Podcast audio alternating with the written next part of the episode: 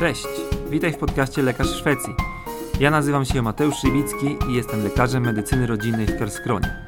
Na łamach tego podcastu oraz na mojej facebookowej grupie przybliżam Ci realia pracy i życia lekarza po drugiej stronie Bałtyku oraz pomagam Ci w emigracji.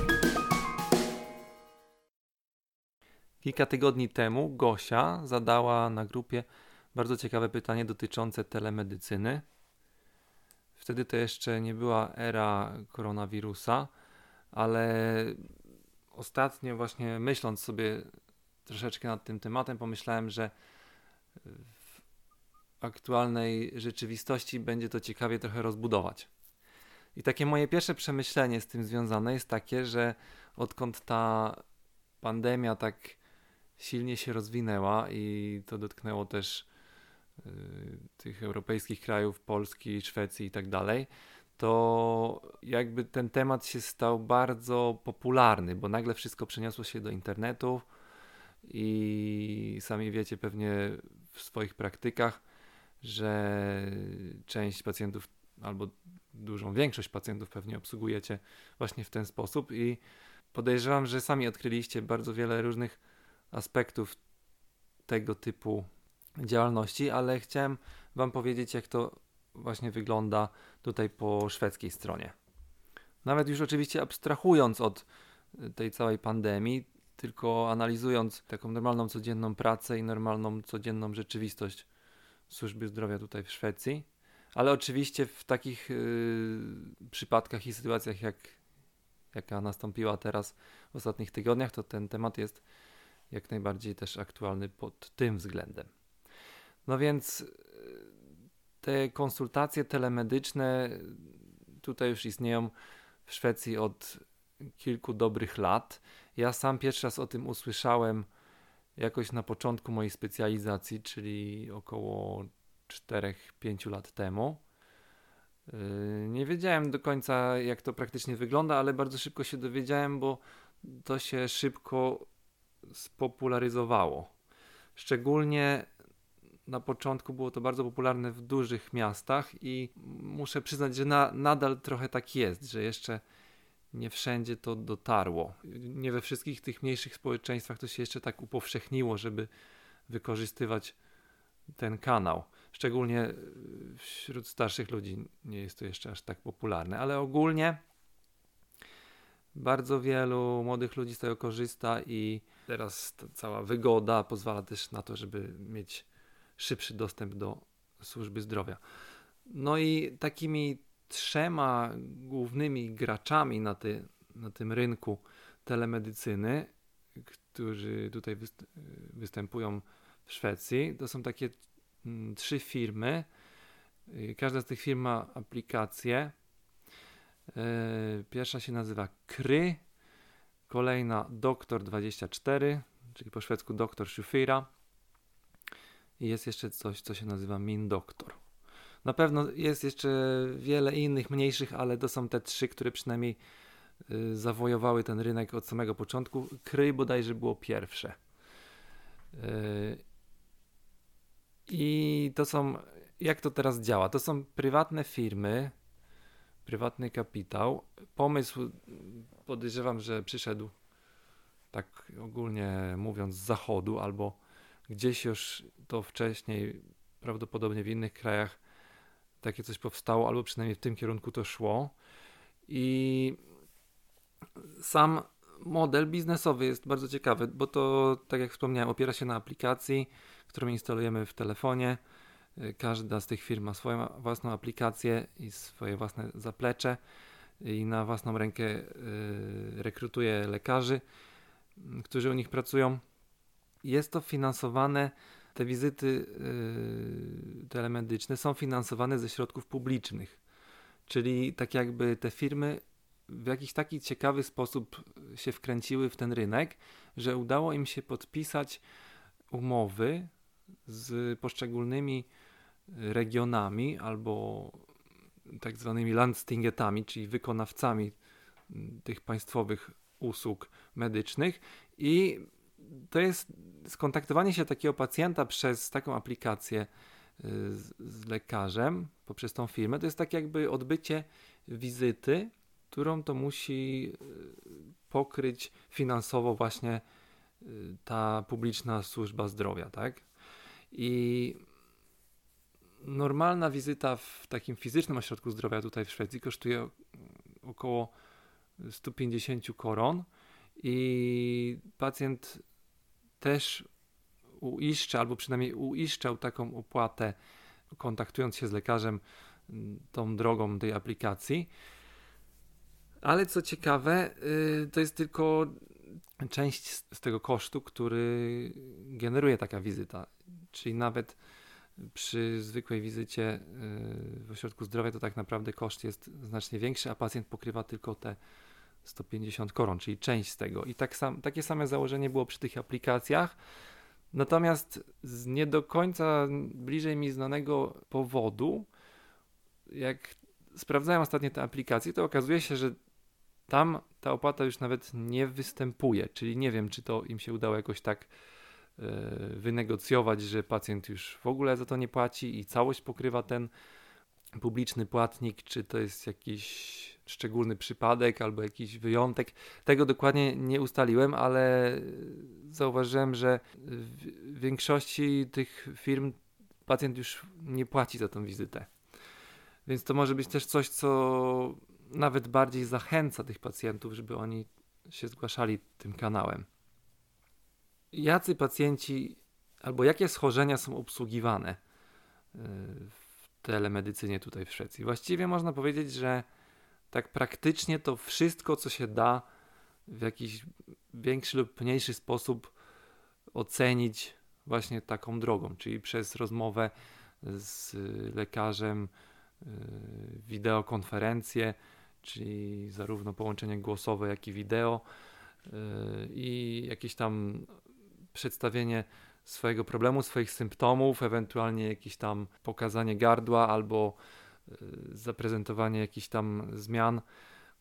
Wiadomo, że jest to w pewien sposób ograniczone, ale jakby mimo wszystko bardzo dużo tych wszystkich problemów y, jest możliwych do rozwiązania w ten sposób. Dużo też e, problemów natury psychicznej, jakieś depresje i tym podobne. Przyjmowani są w ten sposób zarówno dorośli, jak i dzieci. Nie natrafiłem nigdzie na żadne dane, które by podawały jakąś dolną granicę wieku dziecka. Także teoretycznie jest też możliwa konsultacja bardzo małych dzieci, noworodków, ale oczywiście lekarz, który to konsultuje, sam będzie oceniał, czy jest w stanie w tej sytuacji coś poradzić, czy na przykład lepszym rozwiązaniem będzie się mimo wszystko zgłoszenie do SOR-u, czy yy, fizyczna ocena na miejscu w ośrodku zdrowia. Wtedy taki lekarz może też za, yy, przez tą wideokonferencję po prostu zalecić dalsze działanie tego typu po wstępnej swojej własnej ocenie tego stanu. Te firmy, które świadczą te telemedyczne usługi, one y, bardzo pilnie patrzą na to, jaka jest potrzeba takich klientów. To jest, tym się rządzą takie dość agresywne i innowacyjne prawa wolnego rynku, więc oni patrzą, co tak naprawdę ci odbiorcy tych usług, czego oni żądają, czego oni potrzebują i w ostatnich e, miesiącach czy latach te firmy poszły nawet w takim kierunku, żeby otwierać jakieś pojedyncze fizyczne jednostki pod swoim szyldem, gdzie będą mogli konsultować pacjentów y, na przykład w weekendy albo gdzieś tam regionalnie wysyłać tych pacjentów po konsultacji telemedycznej do takiej fizycznej jednostki, żeby można było coś dokładniej ocenić y, przy jakiejś tam niepewności, albo nawet y, pobrać jakieś badania laboratoryjne, a często też mm, podpisują umowy z fizycznymi ośrodkami zdrowia, żeby mogli wysłać do nich pacjentów i żeby tam zostały pobrane jakieś e, badania laboratoryjne i te firmy płacą za to temu ośrodkowi, ale dzięki temu ten lekarz, który obsługuje pacjenta telemedycznie, e, ma dostęp do jakichś tam parametrów i jego możliwości diagnostyczne też się zwiększają, więc wydaje się, że oni się w tym kierunku właśnie rozbudowują, żeby zwiększać współpracę z jakimiś fizycznymi jednostkami, nawet y, takimi jednostkami, które nie należą bezpośrednio do nich, a tylko mogą z nimi w jakiś tam sposób współpracować. Takie y, konsultacje telemedyczne są właściwie możliwe 365 y, dni w roku i 24 godziny na dobę, z tego co się doczytałem. Y, w Szwecji jest też spora multikulturowość, więc lekarze są różnego pochodzenia, więc tutaj jedna z aplikacji się chwali nawet, że obsługują pacjentów w 25 językach. Oczywiście podstawą jest szwedzki, żeby się w ogóle zatrudnić w szwedzkim systemie opieki zdrowia, no to trzeba y, jednak zdać ten egzamin językowy albo przynajmniej mieć zaświadczenie od pracodawcy, że się tym szwedzkim językiem włada na poziomie komunikatywnym. Ale oczywiście te pozostałe języki y, są takim dodatkiem. Lekarze, którzy mają jakby swoje korzenie z różnych innych krajów też y, są takim bardzo cennym produktem dla tych firm, no bo mogą też ewentualnie obsługiwać osoby, które po szwedzku nie rozmawiają. I na przykład y, jest wielu Polaków, którzy mieszkają w Szwecji, więc może się tak zdarzyć, że ktoś nie mówi po szwedzku i będzie poszukiwał takiej konsultacji po polsku. Gdy rekrutujemy się do takiej firmy, to oczywiście oni nam fundują swego rodzaju wprowadzenie, jakiś tam kurs, jak, y, w którym dowiemy się, jak cały ten system działa, jak y, w jaki sposób oceniamy tych pacjentów, jak robimy jakiś tam triaż, jak zachowywać się w jakichś tam sytuacjach trudniejszych, gdzie kierować tych pacjentów, gdzie są mniej więcej granice tego, tej diagnostyki, jakie mamy dostępne możliwości, jak prowadzić dokumentację. W te wszystkie informacje oni nas wyposażają, żebyśmy mogli komfortowo pracować i żeby to wszystko dobrze działało, bo tym firmom na tym zależy, żeby pacjenci byli zadowoleni i żeby jak najwięcej pacjentów chciało korzystać z ich usług, ale też, żeby jak najwięcej lekarzy było zainteresowanych współpracowaniem z nimi. Y, teraz jeszcze raz bardziej szczegółowo y, a propos tego, czym, czym zajmują się takie y, firmy, jakie przypadki albo jakie schorzenia konsultują, jakich nie, czego nie robią, co już jakby na samym początku wyłączają ze, swoich, ze swojej działalności. I tak w skrócie mówiąc, sobie wypisałem kilka takich rzeczy najbardziej popularnych, czyli to są proste infekcje, jakieś tam zmiany skórne, łagodne, yy, przedłużanie recept, jakieś lżejsze stany psychiczne, depresja, lęki, wypalenie zawodowe, stres, wszelkiego rodzaju ból. Yy, mogą też wypisać i pokierować pacjenta dalej, czyli wypisać jakieś skierowanie albo pokierować pacjenta, czyli poradzić, gdzie ma się zgłosić, yy, jeżeli sami nie jesteśmy w stanie tego problemu mu rozwiązać w tej wideokonferencji. I oni mogą też mm, wypisać pacjentowi zwolnienie. Tutaj w Szwecji do, do siódmego dnia pacjent nie musi przedstawiać żadnego zaświadczenia, do siódmego dnia zwolnienia. Yy, robi to po prostu słownie do swojego pracodawcy. Dopiero od ósmego dnia jest potrzebne zaświadczenie. I od 8 do 14 dnia koszt tego zwolnienia pokrywa pracodawca. Dopiero po 15 dniu y, ten koszt pokrywa ZUS. I tutaj właśnie takie firmy sobie zastrzegają, że one wypisują zwolnienia tylko od tego 8 do 14 dnia, a powyżej 14 już nie. To było co robią, a czego nie robią, to spotkałem się w tych opisach z tym, że nie przedłużają leków uzależniających, nie przedłużają zwolnień powyżej 14 dnia. Nie zajmują się oczywiście takimi bardzo już głębokimi stanami psychiatrycznymi, de głębokimi depresjami, gdzieś y, sytuacje, gdzie występuje wysokie ryzyko samobójstwa albo jakieś ostre stany. To jest odsyłane pacjent jest kierowany po prostu w odpowiednie miejsce, żeby uzyskać y, fizyczną pomoc.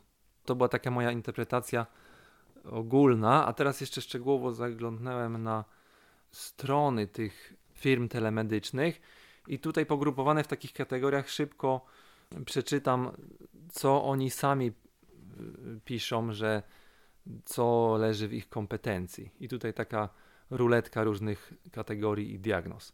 I w kategorii infekcje wymienili boleriozę, yy, półpasiec, gorączkę, anginę, przeziębienie, zakażona rana, wrastający paznokieć, ból gardła, klamydia, róża, szkarlatyna, zapalenie spojówek, inne dolegliwości oczu, zapalenie układu moczowego. Kolejna kategoria skórne i tutaj afty, trądzik, atopowe zapalenie skóry, wypadanie włosów, ugryzienie insekta, kontaktowe zapalenie skóry, opryszczka, łuszczyca, trądzik, różowaty łupież, ospa wietrzna. Y, kolejna kategoria psychologia i psychiatria i tutaj depresja, obniżenie nastroju, fobie, rzucenie palenia, stres, bezsenność, zaburzenia lękowe. Kolejna kategoria żołądkowe i jelitowe i tutaj biegunka, zaparcia, zgaga, nadkwaśność, zespół jelita drażliwego, owsiki i pozostałe astma, alergie, niedoczynność tarczycy, kołatanie serca, bóle głowy, migrena, poronienie nawet się tutaj e, pojawiło, PMS, hormonalne przesunięcie miesiączki i ból kręgosłupa.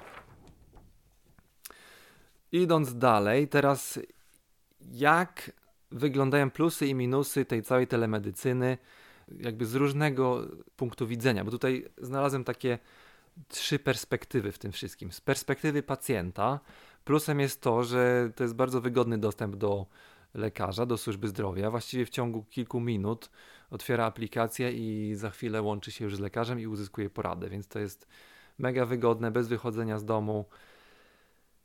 E, jeżeli nie chce z lekarzem od razu rozmawiać w ciągu kilku minut, to może sobie zamówić konkretny termin i konkretną godzinę, więc cały ten e, grafik jest dostępny i wybiera sobie, kiedy lekarz się ma z nim połączyć.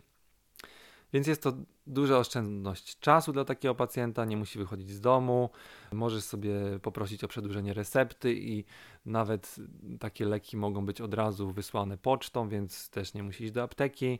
No i to jest czynne całą dobę, więc też bardzo duża wygoda dla takiego pacjenta. A znowu z minusów dla pacjenta, wydawałoby się na pierwszy rzut oka, że może nie masz tak wielu minusów, no ale y, do minusów można zaliczyć chociażby to, czego może pacjent do końca nie jest świadomy, ale my jako lekarze wiemy, wiemy o tym, że jest na pewno jakby troszeczkę utrudniona ocena stanu tego pacjenta, że jest gorsza szansa na zbadanie, na wnikliwą ocenę tego stanu i na postawienie trafnej diagnozy. No ale pacjent może nie zawsze jakby na to zwraca uwagę w pierwszej kolejności. Teraz kolejną taką perspektywą tej całej telemedycyny to jesteśmy my, czyli z punktu widzenia lekarzy.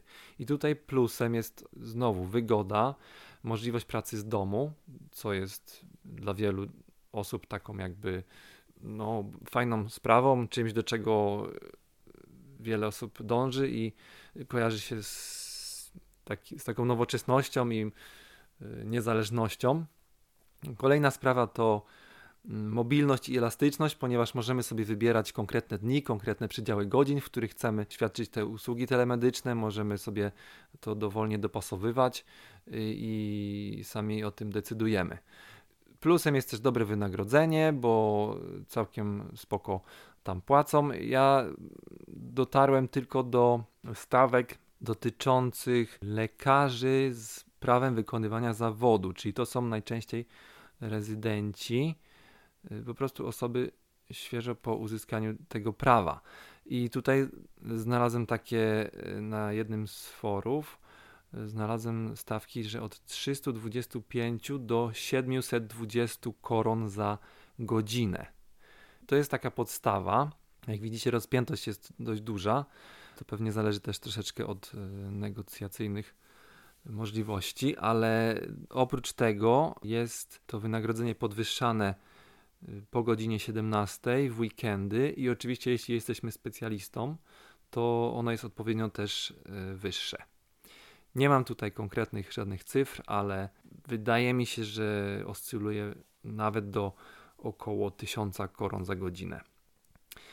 Kolejnym plusem jest to, że tego typu działalność można sobie troszeczkę łączyć z standardową działalnością w ośrodku zdrowia, czyli jakoś sobie tak urozmaicać i częściowo pracować w ten sposób w telemedycynie, a częściowo fizycznie.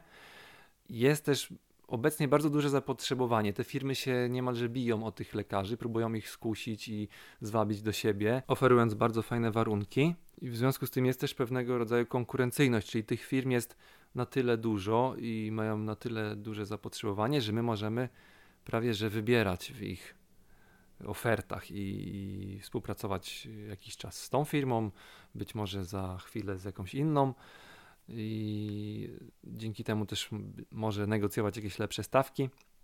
Jest to też bardzo przyszłościowe, ponieważ każdego rodzaju usługi się rozwijają w tym kierunku, żeby to było wszystko dostępne bez wychodzenia z domu, żeby to było wygodniejsze, więc uzyskanie doświadczenia w tego typu pracy myślę, że jest bardzo wartościowe, bo może się tak okazać, y, że w najbliższych latach większość y, konsultacji będzie przeniesiona właśnie do strefy telemedycznej, a już nawet ta obecna sytuacja z tym wirusem pokazuje, że nawet nie trzeba wielu lat ani długiego czasu, żeby nagle yy, nastąpiły tak drastyczne zmiany i żeby wszystko się nagle przeniosło właśnie do tej części telemedycznej. Przynajmniej no, duża, duża większość z tych problemów. Plusem jest też yy, dla nas, dla lekarzy, to, że jest chyba mniej administracji w tego typu działalności, bo nie trzeba prowadzić jakiejś rozległej dokumentacji, tylko to zazwyczaj są dość proste przypadki, szybko można podjąć jakąś konkretną decyzję i te, ta dokumentacja nie jest jakby taka rozległa. I teraz z punktu widzenia minusów dla, dla nas, dla lekarzy, są tak samo jak dla pacjentów, są mniejsze możliwości w ocenie stanu pacjenta i jest jakby troszeczkę trudniej, jeżeli nie możemy dotknąć, osłuchać i zbadać jakoś dokładniej. I jest ryzyko ewentualnie przegapienia czegoś w związku z tym. I tam w tym pytaniu na grupie pojawił się taki aspekt odpowiedzialności. To za chwilę do tego też dojdę, ale zanim, zanim o tym powiem, to jeszcze trzecia perspektywa, i tutaj perspektywa systemu opieki zdrowia, tego publicznego systemu. Na plus jest to, że ci pacjenci, którzy i tak muszą otrzymać tą pomoc od lekarza, bo w Szwecji jest coś takiego jak gwarancja ocen, oceny lekarskiej, czyli pacjent ma prawo do tego, żeby w ciągu tam iluś dni uzyskać poradę lekarską i jest to prawnie zagwarantowane jemu, to jakby on ma lepszy do tego dostęp i ta gwarancja może zostać zrealizowana, bo tak by może musiał czekać trochę dłużej, żeby się dostać do ośrodka zdrowia, a dzięki takiej aplikacji i tej telemedycynie to idzie to sprawniej i ten płatnik jakby może mu to sprawniej i szybciej zagwarantować. I to jest może w sumie jedyny plus, a jeśli chodzi o minusy, no to taka wizyta takiego pacjenta Podobno dość dużo kosztuje ten system opieki zdrowia i słyszałem, że na początku, jak cała ta telemedycyna wystartowała, to to kosztowało nawet 1800 koron, które musiał ten publiczny płatnik uiścić do tej firmy za każdego jednego pacjenta, który się tą drogą z, z nimi skontaktował. Czyli tam uciekały jakby ogromne ilości środków publicznych. Te firmy to bardzo sprytnie wykorzystywały, no bo starały się robić bardzo dobrą reklamę, żeby jak najwięcej pacjentów się tymi kanałami zgłaszało, ale dla tego publicznego systemu nie było to jakby zbyt optymalne. Dlatego oni e, z biegiem lat renegocjowali te y, umowy i teraz ostatnie co słyszałem, przynajmniej w ostatnim roku czy ostatnich latach, to że taka opłata Y, którą ten system musi przekazać tej firmie telemedycznej, jest na poziomie około 600 koron. Być może to będzie jeszcze negocjowane dalej w dół, ale za każdego pacjenta jednak idzie co najmniej te 600 koron. Minusem dla ogólnego systemu y, jest też to, że te firmy telemedyczne, one jakby odbierają wszystkich tych łatwiejszych pacjentów i zajmują się głównie nimi i ci łatwiejsi pacjenci jakby już znikają z tego systemu, a pozostają tylko ci trudniejsi dla tych fizycznych ośrodków zdrowia, czyli ci lekarze pracujący na miejscu. Oni już dostaną jakby przesiane te przypadki, które są trochę trudniejsze. Już nie, nie przyjdzie do nich taka sama ilość tych łatwiejszych.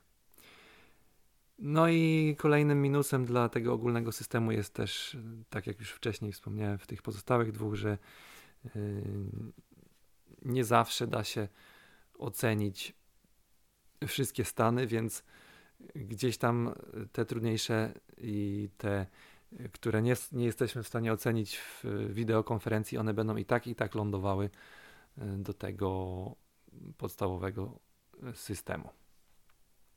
I teraz na koniec jeszcze o tej odpowiedzialności. Ogólnie planuję zrobić osobny odcinek szczegółowo o odpowiedzialności, więc nie będę się tutaj tak dokładnie zagłębiał. Chodzi o to, że to wygląda całkiem inaczej niż w Polsce. Nie jest popularne jakieś sądzenie lekarzy i ciąganie po sądach.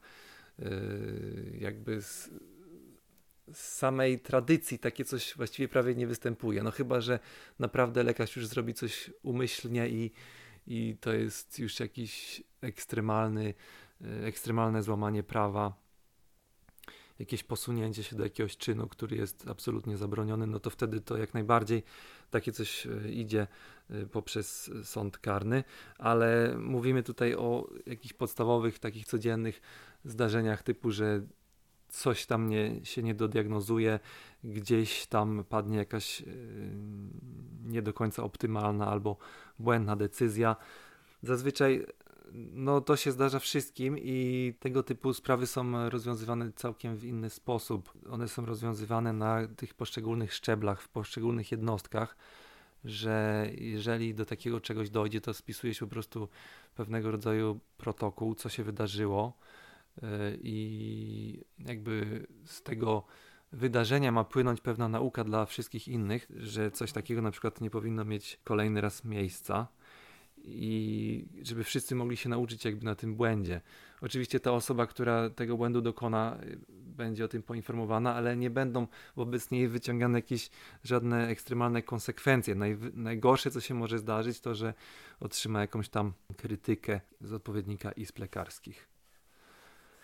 Poza tym w tej telemedycynie jest jakby taki, wiele takich punktów kontrolnych i zabezpieczeń, które pozwalają na to mimo wszystko, żeby uniknąć tych takich największych pułapek. Czyli na przykład pacjent, który zgłasza się poprzez tą aplikację, on zanim w ogóle połączy się z jakimkolwiek lekarzem, to on wypełnia odpowiednie formularze, na, w których wybiera e, kategorię swojego symptomu albo konkretyzuje te swoje dolegliwości i później w zależności od tego, co wybierze, to następują kolejne pytania, które precyzują to. I jeżeli taki system w tych pytaniach wyłapie na przykład, że ktoś ma y, głęboką depresję albo ma myśli samobójcze, to taka osoba y, nawet nie dostaje możliwości połączenia się z lekarzem, tylko od razu y, wyskakuje informacja, że taka osoba ma się zgłosić do swojego lokalnego ośrodka zdrowia albo do lokalnej poradni zdrowia psychicznego lub w jakiś tam sposób na ostro do szpitala.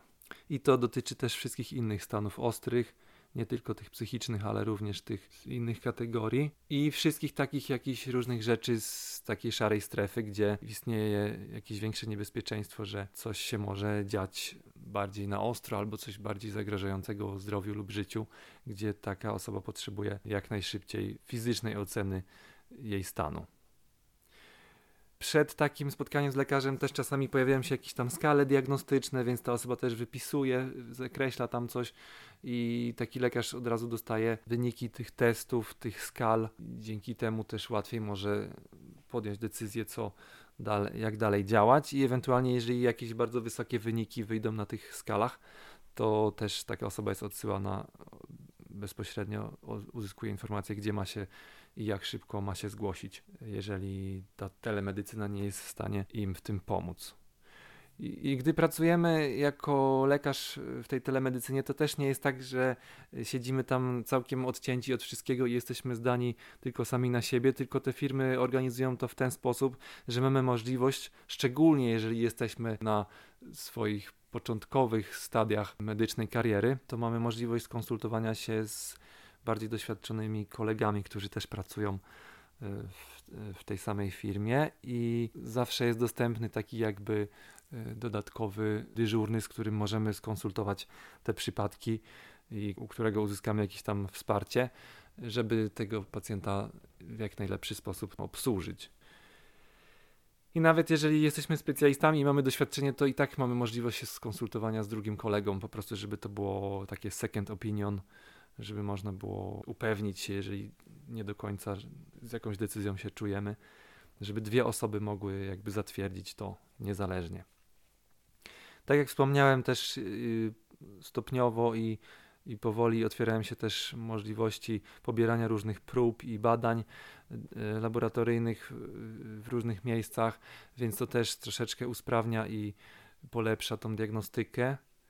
I jeżeli już całkiem y, nasze kompetencje się skończą, a nie jest jakiś ostry przypadek, to możemy takiego pacjenta po prostu skierować do jakiejś poradni specjalistycznej i normalnie wypisujemy skierowanie, które pacjent tym kanałem internetowym otrzymuje i to skierowanie bezpośrednio elektronicznie może trafić do odpowiedniej jednostki, więc pacjent jest po prostu wzywany i następuje dalsza diagnostyka. Oczywiście nie możemy skierować wszystkich, bo ta firma telemedyczna ona płaci za każde takie skierowanie, więc to musi być też na jakimś tam poziomie odpowiednim. I podsumowując, no to ta telemedycyna jest takim krokiem w przyszłość, albo już nawet w teraźniejszości. Widać, że otacza nas coraz bardziej ze wszystkich stron. Jest bardzo wygodna, daje możliwości pracy zdalnej. Jeżeli akurat ktoś na przykład bardzo lubi podróżować albo nie chce się mm, dokładnie wiązać z jakimś jednym konkretnym miejscem, to są jak najbardziej na to możliwości, żeby przemieszczać się i być w różnych miejscach świata, a nadal pracować i zarabiać w taki sposób, dostosowując sobie właśnie godziny i okresy pracy pod to, co nam jest najbardziej potrzebne.